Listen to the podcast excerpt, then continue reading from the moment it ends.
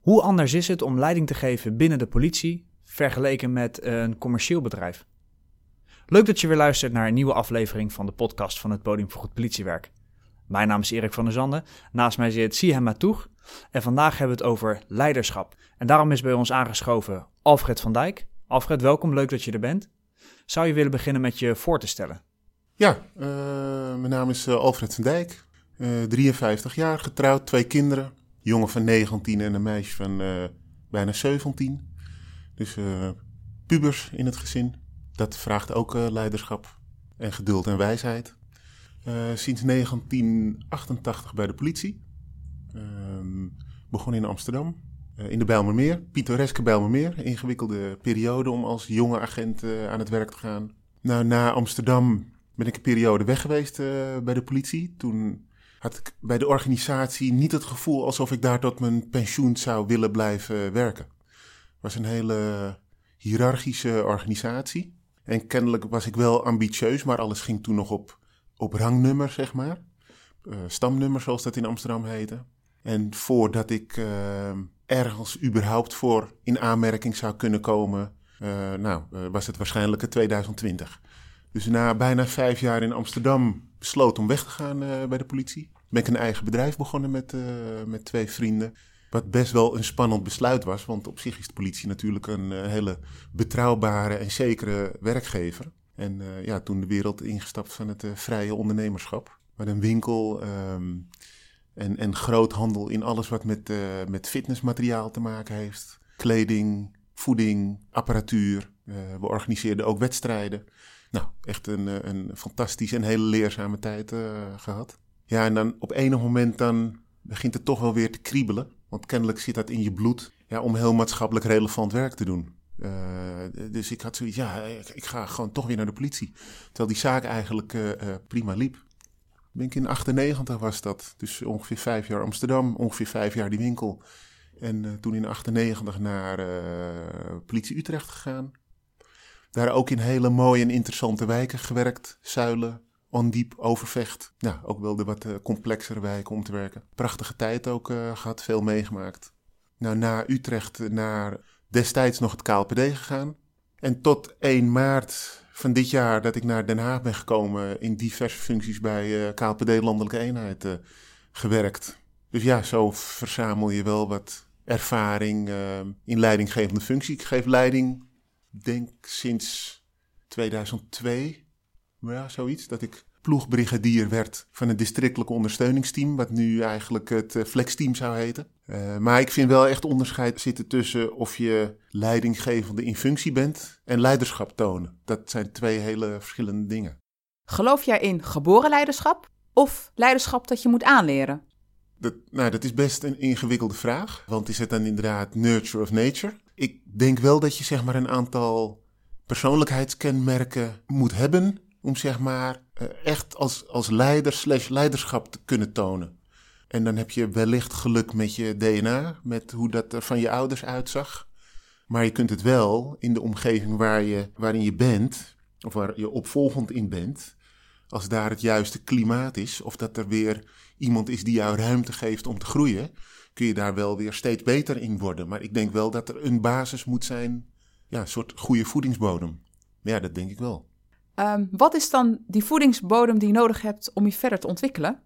Nou, die, ja, die ruimte zoals genoemd en ook wel het vertrouwen, eigenlijk het onbewezen vertrouwen. Dus dat is vaak je sponsor, zeg maar, iemand, iemand feitelijk iemand die jou de ruimte geeft om, om ook uh, fouten te mogen maken. Kijk, we zijn bij de politie heel goed in om, en dat is ook de kern van ons bedrijf, want dat doen we namelijk buiten op straat ook, want daar zijn we normatief naar mensen. We hebben wet en regelgeving en sommige echt uit 1890. En of je doet, je doet het goed of je doet het fout. Dat is heel normatief. Maar dat gedrag nemen we ook mee naar binnen. Dus zijn naar elkaar zijn we eigenlijk ook heel uh, normatief als het gaat over wat we van elkaar vinden. En, en dan loopt er bij de politie ook nog iets ingewikkelds door elkaar. Dat we denken het gevoel te hebben dat het één grote familie is.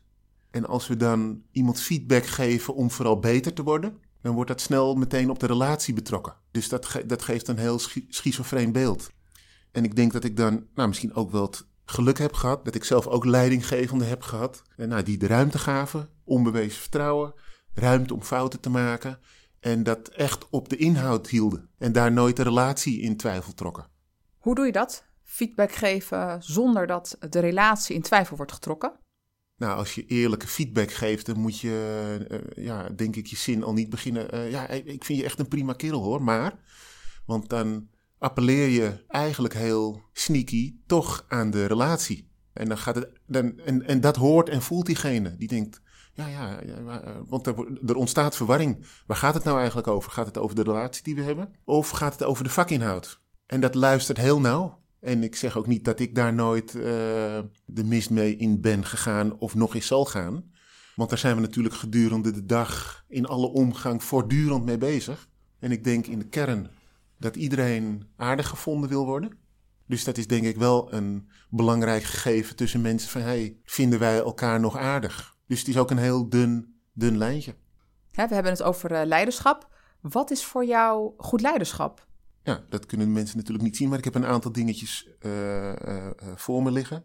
En dit is, dit is een heel mooi boek. Het heet Gooi het roer om van David Marquette. En dat is een Amerikaanse onderzeebootkapitein. En die heeft daar echt een, een, een, prachtige stap in gemaakt. Die man die had zich voorbereid om op missie te gaan met, een, met een onderzeeboot. En nou, die kende die tot elk schroefje. Stelde hem vragen over en hij wist het. Twee weken uh, voordat hij met missie zou gaan, uh, toen kreeg hij te horen dat hij een nieuwe uh, onderzeeër kreeg, die hij dus helemaal niet kende. Dus hij stapte aan boord en hij wist helemaal niets van die onderzeeboot. Maar er zat wel een hele ervaren bemanning. Dat was voor, voor hem het moment om in de hiërarchische organisatie, wat een marine ook is, de, de knop om te zetten. En dat je bemanning, die, die weten eigenlijk alle antwoorden. Die hebben alle antwoorden op die vragen. Ze kwamen met vragen naar de kapitein toe van, ja, waar moeten we naartoe varen om zeg maar uh, onze, nou, de actie die ze moesten doen in de missie, om die goed uit te voeren. Nou, toen kwam hij met de weten vraag, ja, waar zou jij uh, de onderzeeboot neerleggen waarvan jij denkt dat dat de goede plek is? Nou, daar en daar. Hij zegt, nou, lijkt me uitstekend. En daar komt dit pamfletje vandaan waarop staat, I'm not the answer man. Ik ben niet het antwoordenloket. Want dat is wel een valkuil waar je als leidinggevende makkelijk instapt. Dat je denkt dat, dat je op alle vragen een antwoord moet hebben. En als je dat in stand houdt, dan gaan medewerkers je dus ook over alles en ook over de, ja, dat, maar nog steeds respectvol, maar over de grootste onbenulligheid, gaan ze je het antwoord vragen. Lees toestemming. Terwijl vanuit de professie en het vakmanschap van mensen, dat ze eigenlijk, ze weten prima wat ze te doen staat. En dat ze af en toe een checkvraag stellen van, nou, waar zijn de kaders? En gaan we nog de goede kant op? Helemaal prima, want dat is je rol als, als leidinggevende, maar dit is meer in de faciliterende zin. Maar je moet, moet proberen zeg maar niet in de rol terecht te komen dat je het ultieme antwoordenloket bent. Je bent een tijdje ondernemer geweest en daarna ben je weer teruggekomen bij de politie. Wat heb je geleerd van de periode als ondernemer? Nou, als je um, uit de politieorganisatie uh, stapt en je gaat zelf een bedrijf opzetten, of misschien wel als je überhaupt ergens anders gaat uh, werken, dan kom je er wel achter dat we, we zijn echt heel erg verwend uh, bij de politie. In principe is alles geregeld. De arbeidsvoorwaarden zoals die er zijn, dat is uitstekend geregeld. Ja, als je zelf een bedrijf op gaat zetten, dan, dan moet je daar echt allemaal zelf voor zorgen. En komen er dingen op je pad waar je echt nog nooit over na hebt gedacht. Het is eigenlijk zo goed verzorgd bij onze organisatie dat het meteen een beetje betuttelend is. Als de collega's de straat op worden gestuurd, dan zijn ze ervan, dan gaan ze erover. Ze hebben een ruime mate van discretionaire bevoegdheid waarin ze hele pittige beslissingen moeten nemen, kunnen nemen. En zodra ze dan de voordeur van het bureau binnenstappen, dan komen ze weer in een omgeving waar eigenlijk alles nou, bijna tot op detailniveau geprotocoleerd is. En dat, dat, en dat geeft een schizofreen eh, beeld en daar hou je mensen ook klein mee. En nou, ik weet niet of dat zeg maar ooit uit het DNA van de politie gaat. Maar dat, die omgeving helpt niet om mensen, nou, even de, de ondernemer in zichzelf aan te wakkeren. Denk je dat een leidinggevende vanuit een commerciële organisatie ook leiding kan geven binnen de politie aan een basisteam? Ik denk dat dat op zich wel mogelijk is. Dat wordt wel een beetje een, een spannende. En dat spannende zit op een aantal fronten. Diegene moet niet die organisatie gaan willen leiden als een commerciële organisatie. Want als diegene dat gaat doen, dan organiseert hij echt heel, heel vlot zijn eigen teleurstelling. Ik vind de organisatie zeg maar operationeel heel wendbaar. Want dan kunnen we zeg maar in hele korte tijd inspelen op een actuele situatie. Maar daar waar het gaat over de bedrijfsvoering, dan zijn dat tragere processen. Ja, ik, ik heb ook wel eens zeg maar gedroomd over dat de politie een meer commerciële organisatie zou zijn. En dat je zeg maar een afdeling heel en soms misschien wel quick and dirty in kan richten met de mensen die jij op die afdeling wil hebben. Als je die ruimte had gekregen, dan weet ik zeker dat dat een heel succesvol product zou zijn geworden. Maar ja, zo werkt ons bedrijf nu eenmaal niet. Dus ik denk wel, als je iemand van buitenaf een politieafdeling of een basisteam laat leiden. Nou, weet je, als dat gaat over andere denkkracht en diversiteit, dat iemand echt wel weer hele mooie dingen te brengen heeft waar we ons voordeel mee, uh, mee kunnen doen. Alfred, de luisteraars zien het niet, maar je hebt nog een aantal uh, kreten op papier staan uh, voor je. Zou je de anderen willen toelichten? Ja, dat, dat, dat is zeg maar in het kader van, uh, van leiderschap. er ligt er hier één voor mij, waar staat van hart en moed naar hart en moed. En de eerste hart en moed is hart met een D en moed met een T. En in de tweede, tweede regel hart met een T en moed met een D. Kijk, die eerste regel van hart en moed, dat, dat, dat appelleert bij mij aan uh, directief uh, leiderschap. Uh, zonder uh, verbinding. dus dat is eigenlijk meer de bevelstructuur. Nou, die is binnen de politie ook nog steeds aanwezig. Als we dat in gesloten verband met de ME doen, dan is dat gewoon de rigide bevelstructuur.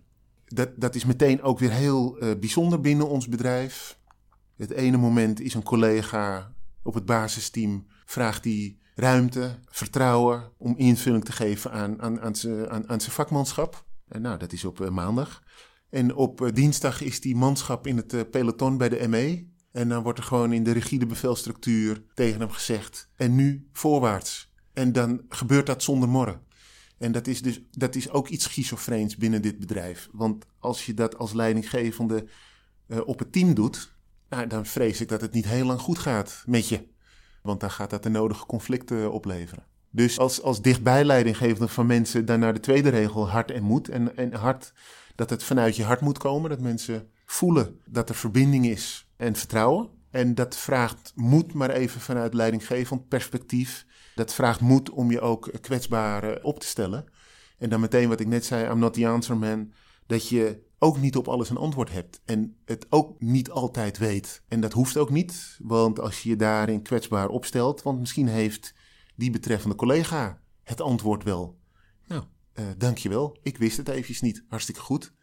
En door. Dat vraagt wel van leidinggevenden om ja, een beetje afscheid van hun ego te nemen. En dat zit vaak nog wel in leiderschap, want nou, nee, dat zeg ik verkeerd, dat zit niet in leiderschap, dat zit in leidinggevende zijn. Want dat is toch een bepaalde positie binnen het bedrijf. Dat is een bepaald aanzien. En ik weet niet precies waar het staat, maar daar wordt dan bepaald gedrag bij verwacht of geacht. Ja, terwijl dat wat mij betreft uh, niet zo is. Ja, durven ook eens een stap naar achter te zetten. Dan maak je letterlijk ruimte. Uh, en laat de ander het antwoord maar geven. En als dat prima past, dan is dat mooi. Dus dat, is misschien wel uit de comfortzone. Uh, bij mij voelt het in ieder geval uh, niet zo. Het is namelijk uh, doodvermoeiend om overal maar het antwoord op te weten. Ik zou er niet aan moeten denken. Je bent op dit moment 30 jaar werkzaam bij de politie. Wat verwacht je voor ontwikkelingen in de komende 30 jaar? Ik, ik denk dat we ehm, als politie nog wel een ingewikkelde tijd tegemoet gaan ja, met de uitstroom van heel veel collega's. Dus dat, dat levert ook wel een behoorlijke kennisdrain op. De instroom en, en, en met het nieuwe politieonderwijs een verhoogde instroom van, van nieuwe medewerkers. Dus dat vraagt wat van de organisatie die eigenlijk ook een beetje aan het leeglopen is. Het is altijd goed om ambitieus te blijven. Ik, maar ik denk dat het best wel ingewikkeld wordt om. Want de komende vier, vijf jaar zitten we nog wel in een dalende lijn als het gaat over de hoeveelheid. En lees daarbij ook kennis en kwaliteit van personeel. En dan komen we wel weer in de opgaande lijn. Maar dat zijn heel veel jonge en nieuwe collega's. Dat we, dat we misschien niet eens uh, super, super ambitieus moeten zijn wat we over tien jaar uh, zijn. Want er lopen een aantal processen wel dwars door elkaar. Dus we kunnen echt een enorme hooggespannen ambitie formuleren. Terwijl als ik kijk en dan als voorbeeld even de, de demonstratie op het Malieveld. Als ik zie wat we daar als, uh, als politie neerzetten. Hoe we in verbinding zijn met onze omgeving. En de, de situatie in de Verenigde Staten is in die zin echt niet te vergelijken met die in, uh, in Nederland. Wat door sommige mensen gemakshalve wel wordt gedaan. Maar dat is echt een andere maatschappij en echt een andere, andere cultuur. Dan denk ik dat zoals we het nu doen als politie, dat we een van de beste polities ter wereld zijn. Nou, recent voorbeeld hoe het dichtbij in Frankrijk uh, maximaal uit de hand loopt. Dat zegt iets over de legitimiteit van de politie. Als ik dan zie hoe het in Amsterdam gaat, nog even los van de onverwachte drukte die daar plaatsvond, maar in de, de sfeer waar het daar uh, plaatsvond, dan, dan is dat zeg maar een groot compliment voor de Nederlandse politie, hoe we in verbinding zijn met onze om, omgeving in waakzaam en, en dienstbaar. Als we dat over tien jaar, hopelijk met kleine stapjes uh, voorwaarts, maar als we dat zeg maar, en de, met de processen die ik net benoemde, in ieder geval op dat niveau weten te houden en een beetje groei, dan denk ik dat we heel, heel goed bezig zijn. En het is mooi dat we heel erg ambitieus zijn, maar je moet wel, als ik nu kijk naar de personele reorganisatie, nou ja, daar zijn uh, standaard modellen voor. Na zo forse reorganisatie, en zoals die van de politie, dat was een nog nooit vertoonde, dat je het op personeelsgebied, maar ook organisatorisch en tegelijkertijd, over 65.000 mensen, dan duurt dat best lang voordat een organisatie weer op rust is gekomen, dat dat uurwerkje weer draait zoals het moet draaien, waarna je kan gaan bouwen. En op de een of andere manier lukt het ons toch wel om, om binnen de tijd die de modellen aangeven, eh, op rust te komen en ook weer te bouwen naar de toekomst. Dus dat zegt echt iets over, uh, ook over het DNA van onze politie. Uh, dat we voor, voor de maatschappij waar we voor zijn, de goede dingen willen doen. De onrust die zich afspeelt in Amerika, heeft een aantal jaren geleden ook afgespeeld in Den Haag. Hoe zijn we daar nu op voorbereid? Ja, wat ik nu in mijn, in mijn korte tijd in Den Haag wel heb geleerd, wat ik zeg maar op, op, op andere plekken in het land veel minder mee geconfronteerd werd, dat, dat, dat er hier zeg maar wel een, een aantal werkelijkheden bestaan over hoe het met de legitimiteit van de politie is, is gesteld. Uh, dat komt denk ik ook wel omdat je, nou je hebt uiteraard met een, uh, met een gemeentebestuur te maken, maar je zit ook in het hart van de democratie. Dus de, de, de landelijke politiek daar waar de regels over het hele land worden gemaakt, dat zit ook heel dichtbij. En als je dan naar de Schilderswijk kijkt, dan is dat een hele makkelijk bereikbare wijk, die zeg maar daardoor uh, vaker in het nieuws komt dan, ja, ik zou bijna zeggen, dan wat nodig en wat gerechtvaardigd is. Want er zijn nog 50 andere schilderswijkenachtige buurten in Nederland. Alleen die, zijn veel minder vaak in het nieuws en worden zeg maar de onderlinge verhoudingen ook veel minder uitvergroot. En dat vind ik dat dat in Den Haag wel gebeurt. Dat het zeg maar ten aanzien van de Schilderswijk erg wordt uitvergroot. En wat jij net zegt over die legitimiteit. Misschien is het wel zo dat de, het basispakket, de basislaag legitimiteit prima op orde is. Dat er af en toe een incident plaatsvindt. En dit in dit geval heel betreurenswaardig. Maar dat gebeurt in elke maatschappij. Ook daar waar de politie zeg maar zijn uiterste best doet om op een keurig nette professionele manier zijn werk te doen. Er gaan ook wel eens dingen niet goed. Nou, uh, daar zijn andere mechanismes voor om daar al dan niet uh, straf voor uit te delen. Maar dat dan meteen de basislegitimiteit van de politie in twijfel wordt getrokken. Ja, die vind ik wel wat, uh, die vind ik wel wat ver gaan. Dus wat ik zeg, misschien is de, de basis wel op orde is er een incident en moeten we daar zeg maar weer met z'n allen. En dan bedoel ik zowel de politie als de bewoners van de wijk. Moet je daar gezamenlijk weer in de goede verbinding met elkaar komen. En daarna kun je weer samen door. En dan vind ik het mooi om te zien dat een, een demonstratie die gaat over uh, anti-politiegeweld. Dat ik daar helemaal niks, want ik, ik ben daar ter plaatse geweest, helemaal niks heb gevoeld van vijandigheid richting de Nederlandse politie. En in onze wijken is het ook rustig gebleven. Nou ja, weet je, dat vind ik eigenlijk wel een compliment naar, uh, naar iedereen. Het uh, gaat over de politie, dat gaat over de gemeente, maar ook uh, de bewoners van de, van de wijk waar we mogen werken. Alfred, heel erg bedankt voor je inspirerende verhaal. Wil je reageren op deze aflevering? Dan kan het uiteraard. Neem dan contact op met Siem Matoeg of met mij, Erik van der Zanden. En dan horen we graag van je. Bedankt voor het luisteren. Tot volgende week.